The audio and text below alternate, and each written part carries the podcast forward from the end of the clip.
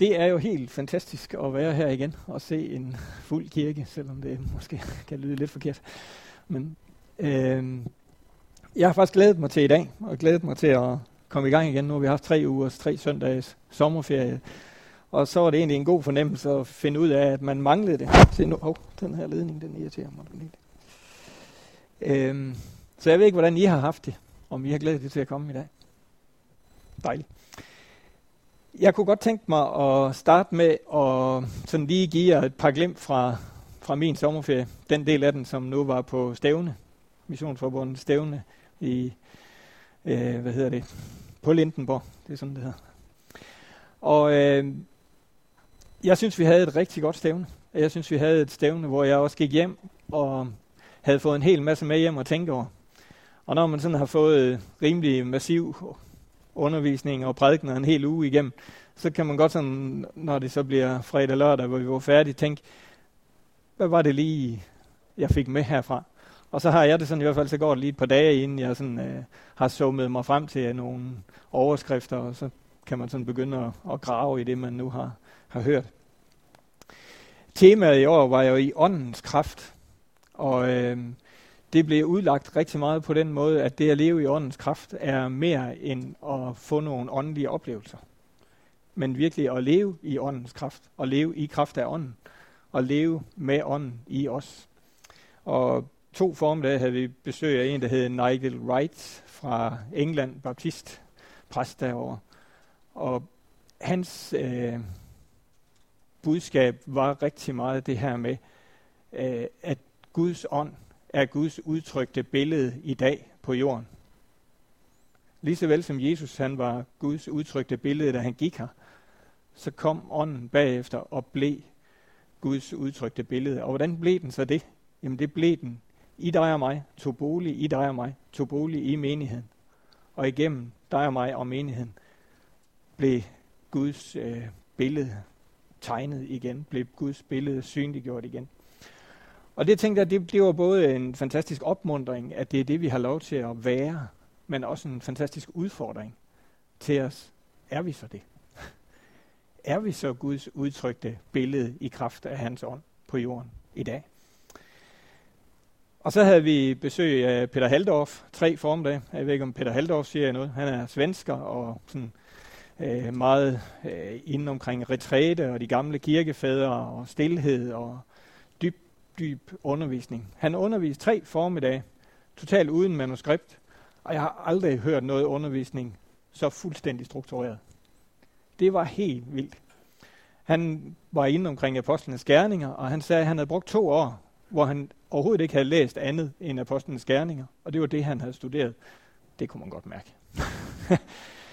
det var fuldstændig skarpt og så dybt, så hver gang han har sagt fire sætninger, så tænkte jeg, ah, stop lige lidt, nu skal vi lige have det her kaperet. Så et eller andet sted, så er det nemmere at læse Peter Haldorf, end det er at høre Peter Haldorf, fordi det er simpelthen så massivt. Men fantastisk god undervisning igen om, hvad er det, der kendetegner os som kristne.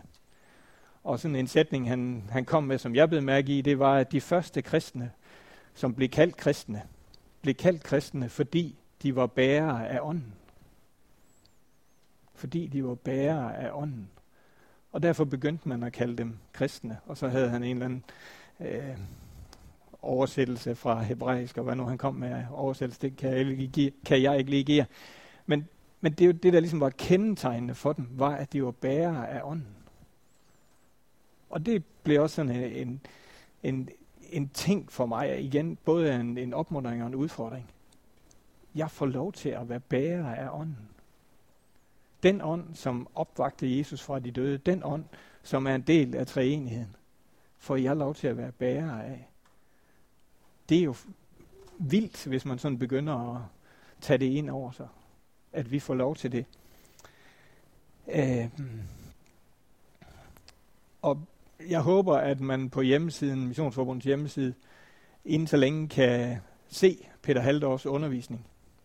I kan gå ind, og jeg ved ikke, om det er noget at komme endnu, men der sad faktisk en, og ikke simultant tolkede det fra svensk, men simultant skrev det.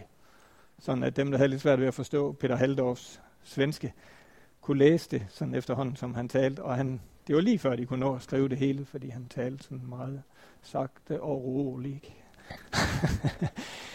øhm, sådan lige en lille sjov detalje. Der var nogen af os, der gættede på, hvor gammel han var. Og de fleste, de gættede sådan cirka 70. Og så er han faktisk bare 8 år ældre end mig. ja. Men ja, han, han har helt sin egen stil. Gå ind og google billedet af ham, så vil I forstå, hvorfor vi gættede på 70. Så alt i alt kom jeg hjem og var, havde været på stævne og haft en uge, hvor jeg tænkte, øj, der er meget at tage ind over. Vi var også inde omkring øh, det profetiske. De sidste tre aftener var der en Michael Miller fra USA, et eller andet sted. Jeg kan ikke huske, hvor stat det var. Men når vi lige hørte Peter Haldorf ned i den rolige stille, og så ham her amerikaneren, som gav den lidt mere fuld gas med hele showet. Øh, men igen, under det samme tema, ånden virker, ånden kommer til udtryk gennem os. Og det var så den profetiske del, han var meget inde omkring. Jeg havde bare lige lyst til at sige til jer, at det er i uge 29 næste år. Så ved I det. Så hvis nu I skal planlægge jeres ferie, så er der noget at hente der. uge 29. Det plejer at være uge 30, det er derfor, det er sådan lidt anderledes. Men det er uge 29. Yes. Så skal jeg dele det med, jeg har tænkt, at jeg skulle dele som prædiken. For øh, jeg tror, det var den sidste søndag inden sommerferien. Der var Torben Jensen, satte han sådan en overskrift, der hed et eller andet med, hvad, hvad optager der lige nu, eller hvad fylder der lige nu. Øh, og så delte vi både lidt med hinanden, og han delte lidt med os, hvad er det, der, der fylder os lige nu, hvad er det, vi er optaget af. Og det har jeg sådan tænkt lidt videre over, øh, og givet det sådan en, en lille twist, og sige, hvad er det, der driver os? Også i forlængelse af det, jeg lige har delt med, at vi har været sammen om på stævne. Hvad er det, der driver os? Når vi er optaget af noget, hvad er det så, der driver os frem i at gøre det, være i det, handle ud fra det? Øhm, og det skal tage sit udgangspunkt i Romerbrevet, og det må du gerne sætte den første af herop. Så øh, skal vi lige læse nogle vers derfra sammen først. Det er fra Romerbrevet kapitel 1 og vers 8-16. Øh, og jeg læser det. Først og fremmest takker jeg min Gud ved Jesus Kristus for jer alle, fordi der i hele verden forkyndes om jeres tro. Gud, som jeg i min ånd tjener med evangeliet om hans søn, er mit vidne på, at jeg uophørligt nævner jer i mine bønder, og altid beder om, at det med Guds vilje dog endelig må lykkes mig at komme til jer. For jeg længes efter at se jer, for at jeg kan give jer åndens gave, så I kan blive styrket, eller rettere, så vi sammen kan opmuntre os ved vores fælles tro, jeres og min. Og så skifter vi over til næste. Og det skal I vide, brødre, at jeg tit har sat mig for at komme, men hidtil er jeg blevet forhindret. Jeg vil nemlig gerne høste nogen frugt hos jer, som ligesom blandt andet de andre folkeslag. Både grækere og barbarer, både vise og uforstandige, er jeg forpligtet overfor. Derfor min iver efter også at forkynde evangeliet for jer i Rom, for jeg skammer mig ikke ved evangeliet. Det er Guds kraft til frelse for, for enhver, som tror, både for jøder først og for græker. Ja, lad os bede sammen. Far i himlen, nu øh, stiller vi os her ind for dig, og beder om, at du vil øh, fylde os med tanker og med ord fra dig ind over de her vers. Bed om, at du også vil lede vores tanker til at fange de ting, der er til den enkelte af os i de vers her. Og jeg beder om, at din ånd må få lov til at åbne vores hjerter og åbne vores sind, så din tale kan nå os her. Far, så vi kan få lov til endnu mere at blive dit udtrykte billede i den her verden. Amen. Amen. Det her, det er jo, øh, det er jo Paulus, der skriver til menigheden i Rom. Og jeg skal trække syv ting ud af de her vers. Så hvis ikke du kan huske syv ting, så må du gå tilbage i versene bagefter, og så se, om du kan fange dem igen. Øh, og det er syv ting, der beskriver noget om, hvad driver Paulus til den tjeneste, han har. Hvad er det, der fylder Paulus med det, han skal bruge for at have den tjeneste, han har. For at gøre det, han gør. For at tage de udfordringer, som han tog. Hvad er det, han vægtlægger i sin tilgang til at tjene Gud? Og dermed også tjene menighederne og alle de mennesker, han er sat til at tjene. Så det, du skal lytte efter nu, det er simpelthen drivkraften hos Paulus. De ting, som i Paulus får ham til at løfte og gøre den opgave, han er sat til. Og så var der en, der sådan kiggede i de her vers, der sagde, de her syv ting, dem skal du tænke på ligesom en app på din telefon. Det var en ret moderne forkynder. øhm, han siger, tænk på, hvis du har en app på din telefon, hvis du kun har ikonet, men der ligger ikke noget bagved, så, så er den jo ikke til så meget. Så er det bare sådan en, en, en plet på din telefon. Han har sagt, en firkant på din telefon. De her ting i Paulus' liv, der lå noget bagved. De, de, de, når han ligesom gik ind i bøn og gik ind i de ting, vi skal være sammen, eller vi skal dele her, så lå der noget bagved. Det var mere end bare et prædikat, han havde på sig.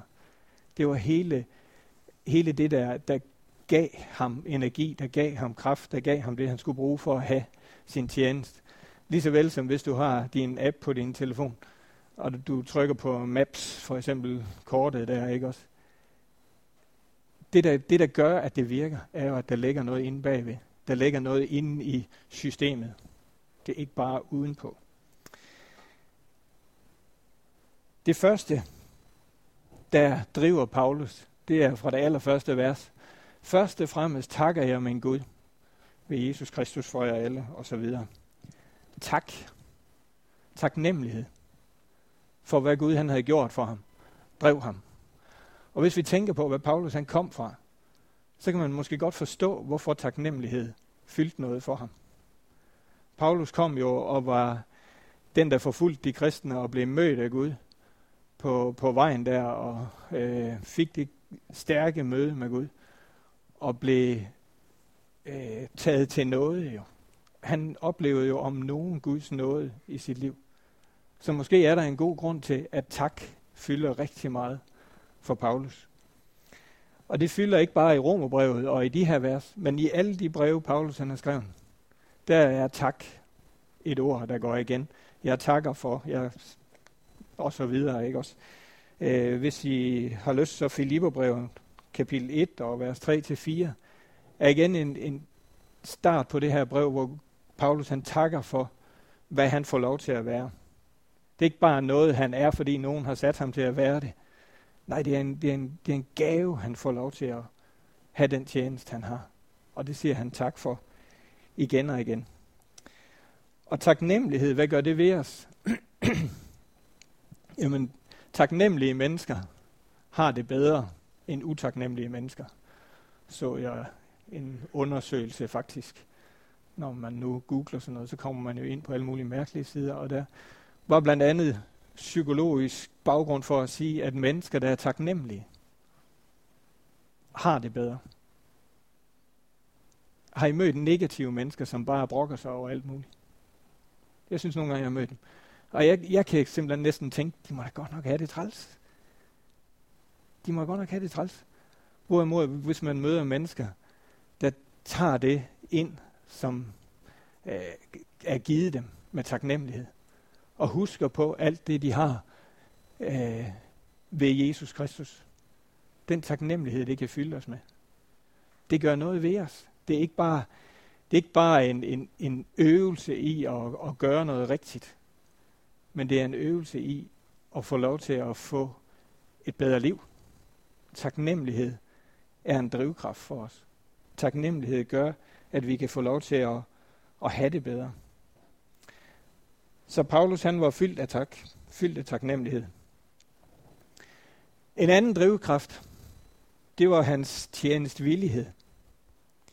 Øh, han tjener med evangeliet om hans søn han får lov til at, at tjene.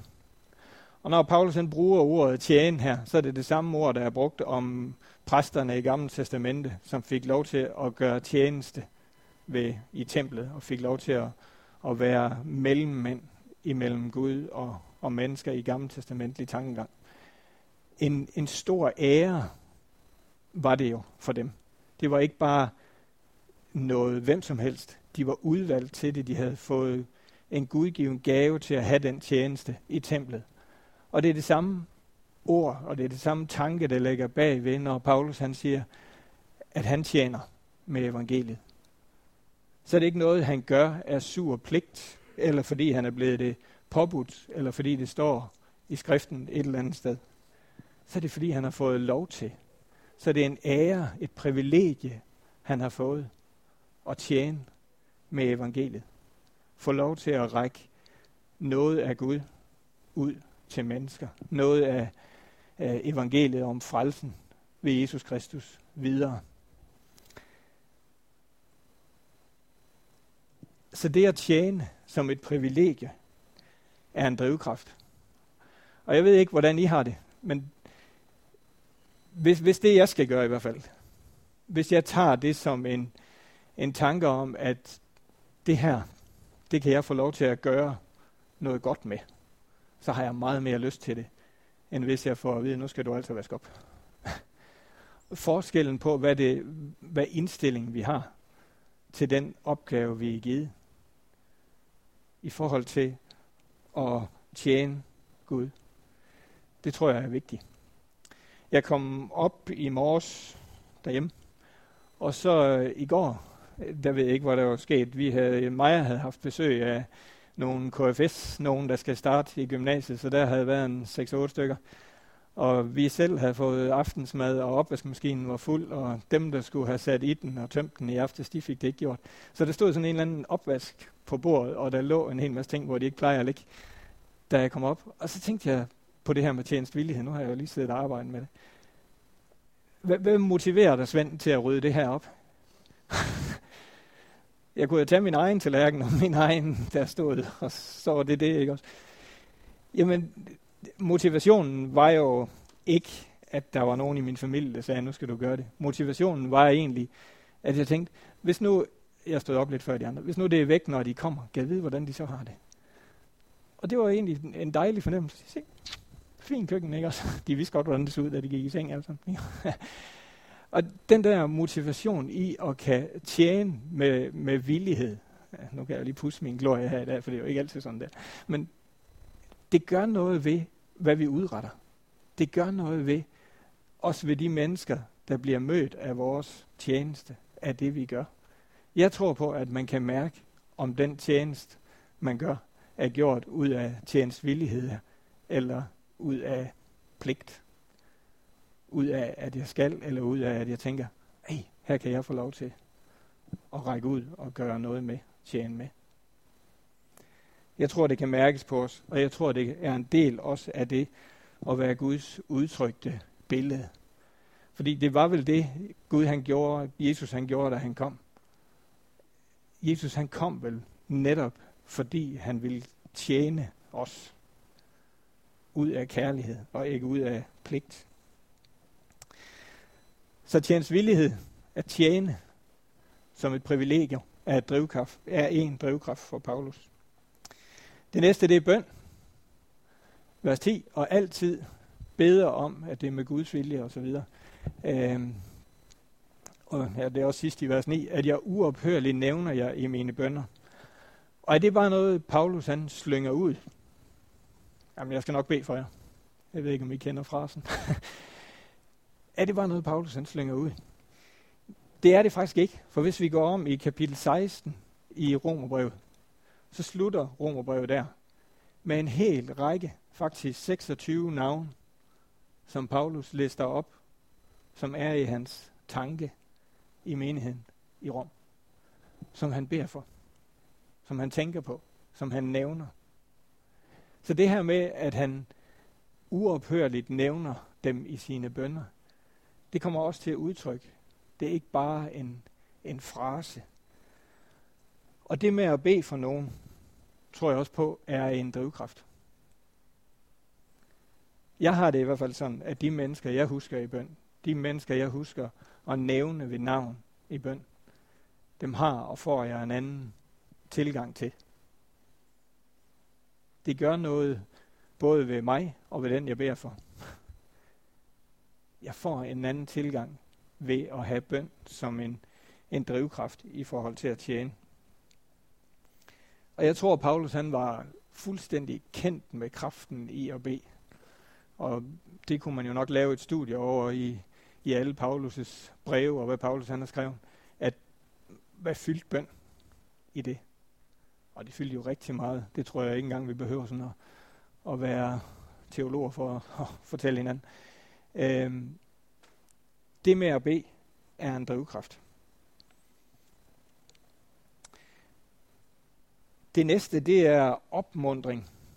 Øhm, han længes efter at komme til dem, for at jeg kan give jer åndens gaver, så I kan blive styrket. Det var det, han havde lyst til. Det var det, han havde lyst til at, at komme til dem med. Han skriver det her brev, og Romerbrevet er vel det mest, øh, hvad hedder sådan noget, belærende. Det var ikke lige helt det ord, jeg ledte efter, men det er mest sådan, det brev, hvor der er allermest lære i, om hvad Kristus er for os, og allermest øh, øh, teologi i forhold til at, at udlægge skriften i forhold til både jøder og grækere, og i forhold til hvem Kristus han kom for at frelse. Så brevet er jo et lærebrev, men det Paulus han længes efter at komme til dem med, det er at styrke dem ja, og give dem åndens gave, opmuntre dem. Det, var han, det, det må have drevet ham helt vildt, fordi når man så ser, at han rejser rundt, så, så er der jo andet end at komme og slå dem oven i hovedet med læresætninger.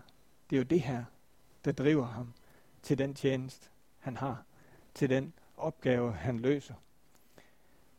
Det at, at give åndens gaver videre, det at styrke menighederne, han kommer til. Øh, og hvordan er det så, at vi møder hinanden? Når nu jeg kommer her i dag, det kunne jeg jo sådan tage som eksempel for min egen del. Kommer jeg så for at udlægge skriften og lære jer et eller andet og sige et eller andet, jeg har tænkt på? Eller kommer jeg med det her mål, øh, nu skal jeg lige, og give jer åndens gave, så I kan blive styrket? Og jeg tænkte faktisk lidt på, jamen jeg kommer jo og siger en masse ord. Jeg kommer jo ligesom med brevet. og hvordan er det så, jeg gør det der? Og hvordan er det, vi gør det, når vi kommer sammen? Hvordan er det, vi styrker og opmuntrer hinanden? Hvad er det, der skal til, for at vi gør det? Og hvordan er det, vi giver åndens gaver til hinanden? Og se her, der blev Svend jo nok sådan lidt stille, fordi Ja, hvordan er det, vi gør det? Jeg havde en, en, en opgave på stævnet her. Jeg var i en lille gruppe af seks mennesker, som havde fået til opgave at tage imod det, som alle mulige på stævne kom og sagde til os, de var blevet mindet om af Gud. At de var, nogen kom med et bibelvers, nogen kom med et ord, nogen kom med et billede, de havde fået af et eller andet. Og den der lille gruppe på seks, der havde jeg lov til at være med. Og det var virkelig et privilegie for noget at bruge sprog igen. At få lov til at være der og, og mærke, at Gud han faktisk lå en hel masse oven i al undervisning. Og hvordan giver man så det videre? Hvordan, hvordan giver man for eksempel videre, at Gud han taler? Hvordan giver vi videre til hinanden de åndelige gaver?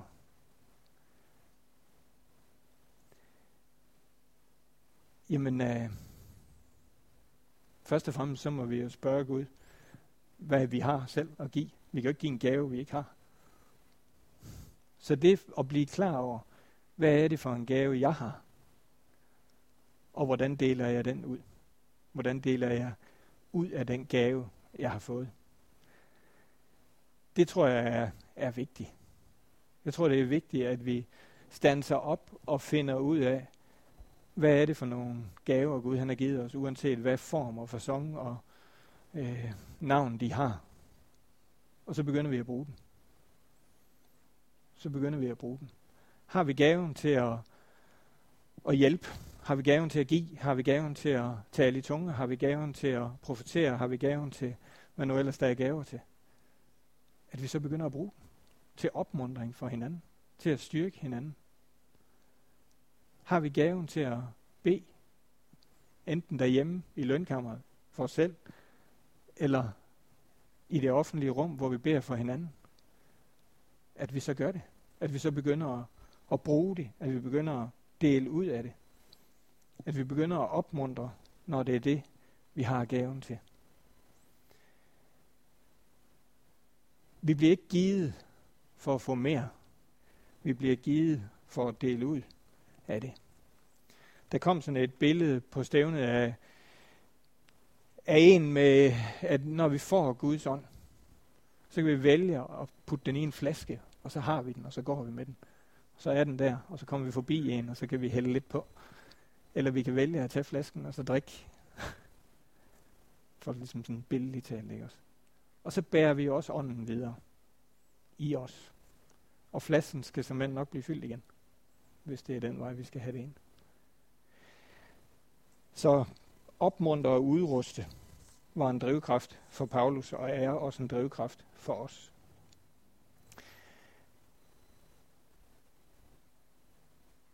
Og så går vi videre til den næste, fordi så skal vi over i vers 13. Øhm, nej, vers 14, fordi det næste det er forpligtelse. Og det lyder måske lidt mere tungt, og det lyder måske lidt mere, jeg ved ikke, hvad, hvad I tænker, når I hører forpligtelse.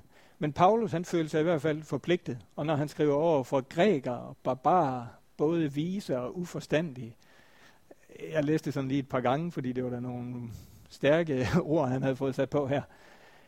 Så, så for Paulus, så var det, han var forpligtet over for, at alle mennesker skulle høre evangeliet.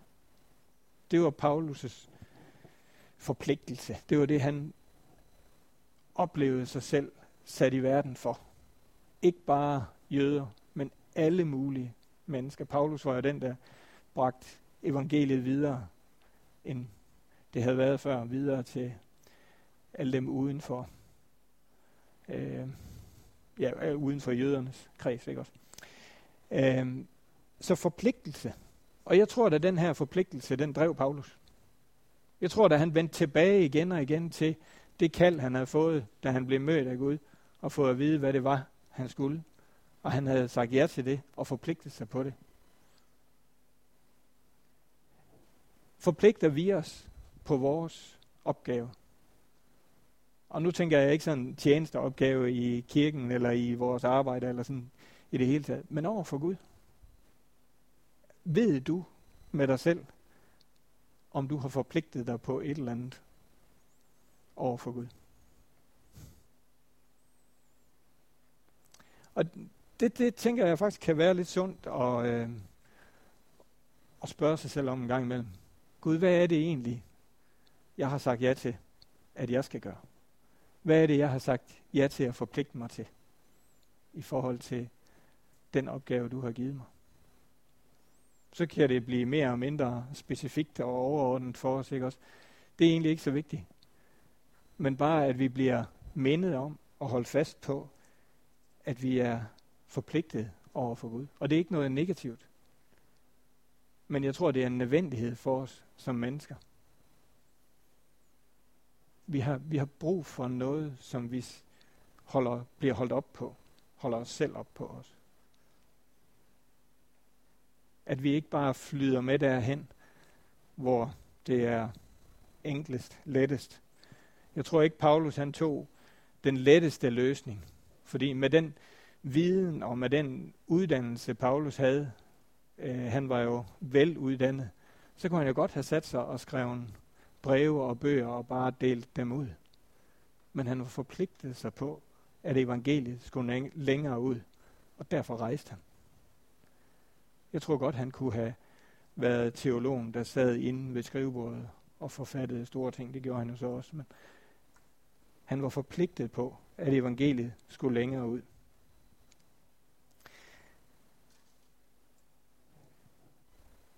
Og så den sjette drivkraft, det var, at han ville forkynde. Derfor min iver efter også at forkynde evangeliet for jer i Rom. Nu har han ligesom prøvet at sige, alle de her ting, og så siger han, det her, det er det, der er grundlaget for min iver, min brand efter at forkynde evangeliet for jer alle sammen. Han vidste, hans opgave var at forkynde. Han vidste, hans opgave var at dele evangeliet, som vi sådan lige også har været inde på. Så den, den forpligtelse og den øh, bevidsthed om, at han skulle dele evangeliet, drev ham. Og så skal vi slutte. For jeg skammer mig ikke ved evangeliet. Det er en Guds kraft til frelse for enhver, som tror, både jøde først og for græker. Han skammer sig ikke over evangeliet. Og igen, hvis vi tænker på, at Paulus han kom fra øh, og har været den, der forfulgte de kristne, så kunne han måske godt have haft sådan lidt, ah, jeg vide, om de vil høre på mig. Men det var han ikke. Han stod ved det, han, han, han havde fået. Han delt ud af det. Så uden skam delte han evangeliet. Uden overhovedet at tænke over, at det var noget, han burde holde for sig selv.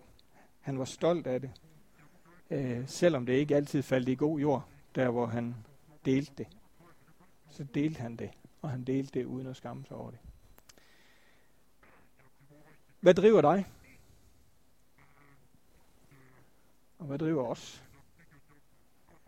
Er nogle af de her syv apps noget af det, der driver os? Er det noget af det, der giver dit liv kraft til at være det, det skal være, det, det er tænkt til at være? Er der nogle af de her ting, som du kunne tænke dig at downloade? Så tror jeg, det er det, vi skal bede om nemlig. Hvis vi har brug for drivkraften i vores liv, så tror jeg, vi kan kigge her og mange andre steder i Bibelen, og så bede Gud om at blive mødt, blive fyldt, blive tændt, blive sat i, i brand ud fra nogle af de her ting, og så blive øh, endnu, få endnu mere livsglæde og livskraft ud af livet. Jeg beder i hvert fald om, at de her ting må kendetegne mig og os. Bed om, at taknemmelighed må præge os. Øhm, og beder også om, at vi må finde kraften og værdien i at bede. En af de ting, som jeg i hvert fald sådan, har gået og rumlet med her hen over sommerferien, og måske også før sommerferien, er, at jamen, finder vi alt det, Gud har til os, beder vi det, som vi egentlig kan frem. Både som mig og også som menighed. Ligger der nogle velsignelser, vi ikke får lukket op for, fordi vi glemmer at samles i bøn for eksempel? Bøn skal ikke blive sådan en plage. Bøn skal jo blive det her med at forstå, at det er der, vi får lov til at mærke, at kraften virker igennem og i os. Så jeg tænker, tænker, der er rigtig meget for os at lære af Paulus i de her vers, om hvad der er drivkraften i vores liv. Og så sådan en gammel kending, det kunne jeg så ikke lige sige, en gammel kending fra min side, det er, at vores liv er ikke en plage, men en gave fra Gud med tilhørende kraft. En gang imellem, når opvasken står lidt højt, så kan man godt tænke, ah, kan det nu være rigtigt? Livet er ikke en plage, det er en gave. Få det bedste ud af den. Download de apps, der skal til, for at det blomstrer, for at det giver liv, og for at Gud han kan bruge det, der er skabt i dig. Vi skal bede sammen. Far i himlen, jeg har lyst til at bare prise dig for, hvem du er. Sig tak for, hvad du har gjort for os. Sig tak for, hvad du var villig til at give for mig og for vores skyld her. Far, tak fordi, at vi må få lov til at hente en uudtømmelig kilde hos dig her. Tak fordi, at vi må få lov til at kigge ind i dit ord, at vi må få lov til at kigge i Bibelen, og vi må få lov til at lære af det, der står, og af de mennesker, der blev brugt til at skrive Bibelen. Far, jeg beder om, at de vers igen, vi har delt her, at de må få lov til at så et eller andet i os, at de må få lov til at slå rod og blomstre med det, der er tænkt til den enkelte af os her. Far, jeg beder om, at vi må styrke og opmuntre hinanden ved vores fælles tro, også nu her. Bed om, at vi må få lov til at mærke, at åndens gaver, som bor i den enkelte af os, bliver virksomme her. Til fælles gavn og til styrke for den enkelte af os her. Og far, jeg har også lyst til at bede for dem, som er en del af den her menighed lige nu, som ikke er her i dag, og som har det svært her. Bed om, at din ånd også må røre ved dem og være i dem og fylde dem med ny energi og ny kraft her. Far, tak fordi, at du ser til os alle sammen her. Tak fordi, at vi får lov til at være din menighed og dit udtrykte billede også her. her. Udrust os til det og gør os i stand til det, far. Og far, så beder jeg om, at du vil skabe en villig, et villigt hjerte i os, her, og en villig ånd, her, som vil dele ud. Amen.